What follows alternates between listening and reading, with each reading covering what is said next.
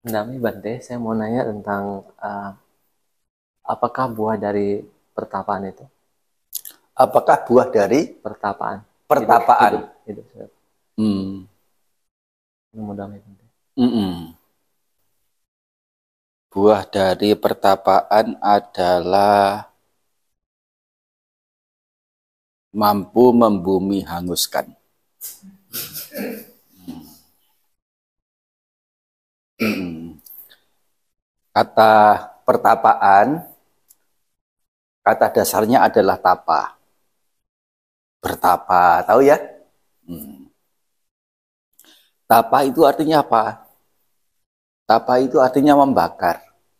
Jadi bertapa itu adalah melakukan proses pembakaran. Apa yang dibakar adalah hal-hal yang menjadi penghalang kebahagiaan, hal-hal yang menjadi penghalang kedamaian.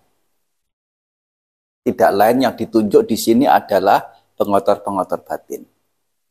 Sehingga buah dari pertapaan adalah bisa membumi hanguskan pengotor-pengotor batin itu. Tetapi uh, istilah pertapaan di sini tidak mengacu khusus ya ke permasalahan meditasi melulu, pengembangan batin melulu. Oleh karena itu sudah digunakan dalam konteks sosial, yaitu seseorang atau sekelompok orang yang eh, menjalani kehidupan tanpa rumah, namanya pertapaan. Dan di sana ada manajemennya, ada pengaturannya, eh, ada tata aturan, ada eh, upacaranya, ada sistematikanya. Hmm. Ada pembagian-pembagian tugas dan sebagainya dan sebagainya dan sebagainya. Nah, jadi istilah pertapaan itu dipilah jadi dua. Pertapaan yang makna sosial dalam arti adalah kehidupan para petapa, namanya pertapaan. Hmm. Eh, petapa sendiri, ya petapa itu apa? Kita terbayang enggak petapa itu? Hmm. mana? Hmm, tapi dari kata petapa itu kan kata dasarnya kan tapa. Orang yang bertapa namanya petapa. Tapi tapi apakah 24 jam bertapa terus? Enggak kan? Ah, begitulah kira-kira. Pertapaan juga sama saja. Ah, itu mengacu ke sisi sosialnya sedemikian rupa.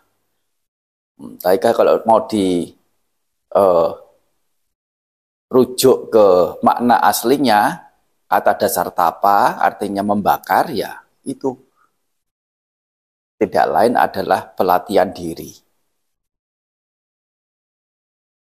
Tentu uh, baik tapa Hmm, dalam arti khusus bermeditasi dan pertapaan itu sendiri komunitas orang-orang yang melatih diri telah meninggalkan